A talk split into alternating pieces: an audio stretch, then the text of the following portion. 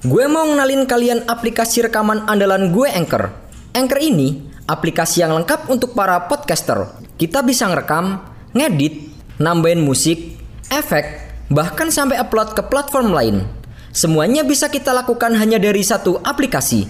Aplikasi Anchor ini bisa kalian download langsung secara gratis di App Store ataupun Play Store. Atau bisa juga download dari websitenya langsung di www.anchor.fm. One app that your podcast need.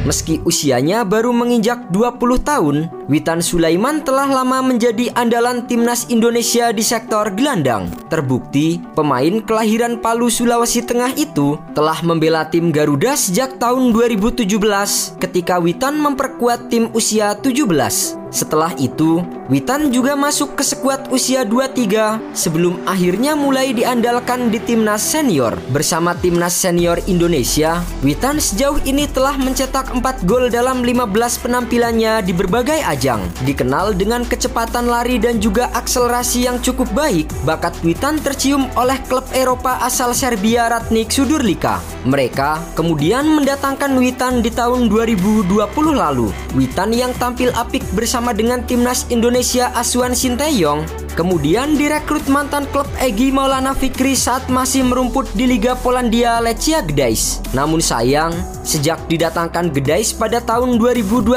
lalu, Witan belum sekalipun mendapatkan kepercayaan pelatih Piotr Stokowi untuk bermain di tim utama. Pemain muda andalan timnas Indonesia itu justru hanya berkiprah di tim Lechia Gdańsk 2 yang bermain di kompetisi kasta kelima Liga Polandia. Setelah setengah musim berlalu, Witan yang tak kunjung mendapatkan kesempatan di tim utama, akhirnya hengkang ke klub FK Senika di Liga Slovakia sebagai pemain pinjaman. Di FK Senika, Witan akan berduet dengan rekan sekaligus sahabatnya asal Indonesia Egi Maulana Fikri.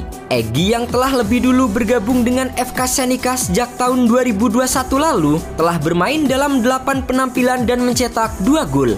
Setibanya di Slovakia, duet Witan dan Egi langsung dipercaya sebagai starter oleh pelatih Senika Pevelsus dalam laga uji coba melawan klub kasta kedua Polandia GKS Jastrembia. Bermain di OMS Arena markas FK Senika, tuan rumah FK Senika justru harus kecolongan setelah tim tamu mampu mencetak gol lebih dulu di menit ke-9.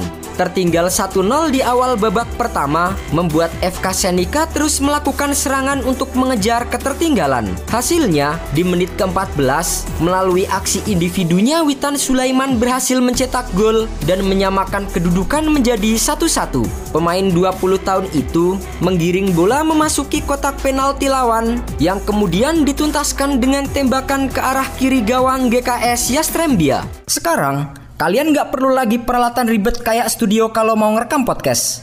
Semuanya bisa kalian lakukan dari smartphone kalian menggunakan Anchor. Anchor bisa kalian download secara gratis di App Store ataupun Play Store. Mudah banget kan? Di Anchor, kalian nggak hanya bisa ngerekam audio, tapi kalian juga bisa ngedit langsung di sini. Nggak sampai di situ, Anchor juga dapat mendistribusikan konten kamu ke platform lain seperti Spotify, Apple Music, dan lain-lain. Keren kan? Satu aplikasi untuk semua kebutuhan. Daripada kalian makin penasaran, mending langsung aja download Anchor sekarang. Oh iya, Anchor ini gratis loh. Selain membantu FK Senika menyamakan kedudukan, gol tersebut terasa lebih istimewa karena merupakan gol pertama Witan dalam pertandingan debutnya bersama dengan FK Senika. Setelah kedudukan kembali imbang, para pemain FK Senika semakin leluasa dalam memainkan ritme permainan. Hasilnya, tuan rumah berhasil membalikan kedudukan setelah Giannis Niarkos berhasil membawa FK Senika unggul 2-1 di menit ke-20.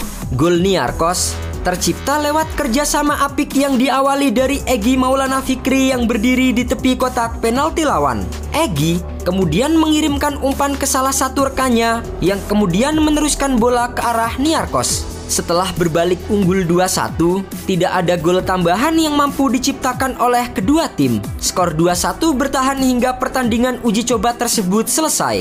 Berkat penampilan apiknya, Direktur tim FK Senika David Balda turut memberikan pujian atas penampilan Witan Sulaiman di laga uji coba tersebut. Balda menampilkan foto Witan dan Giannis Niarkos yang menjadi dua pencetak gol kemenangan FK Senika melawan Yastrembie. Sementara itu bagi FK Senika, pertandingan uji coba melawan GKS Yastrembie merupakan laga uji coba terakhir mereka sebelum kembali bertanding di Fortuna Liga atau kompetisi tertinggi Liga Slovakia. FK Senika saat ini berada di urutan ke-6 tabel klasemen Fortuna Liga dengan mengoleksi 24 poin dari 19 pertandingan. Tim yang bermarkas di OMS Arena itu tengah dalam tren positif setelah melewati tiga pertandingan liga dengan 100% kemenangan. Pada akhir pekan mendatang, Egi dan kawan-kawan akan menghadapi Slovan Bratislava yang merupakan klub raksasa di persaingan liga domestik Slovakia. Laga tersebut juga menjadi ajang balas dendam setelah di pertemuan pertama Senika dipaksa menelan kekalahan dengan skor 3-0.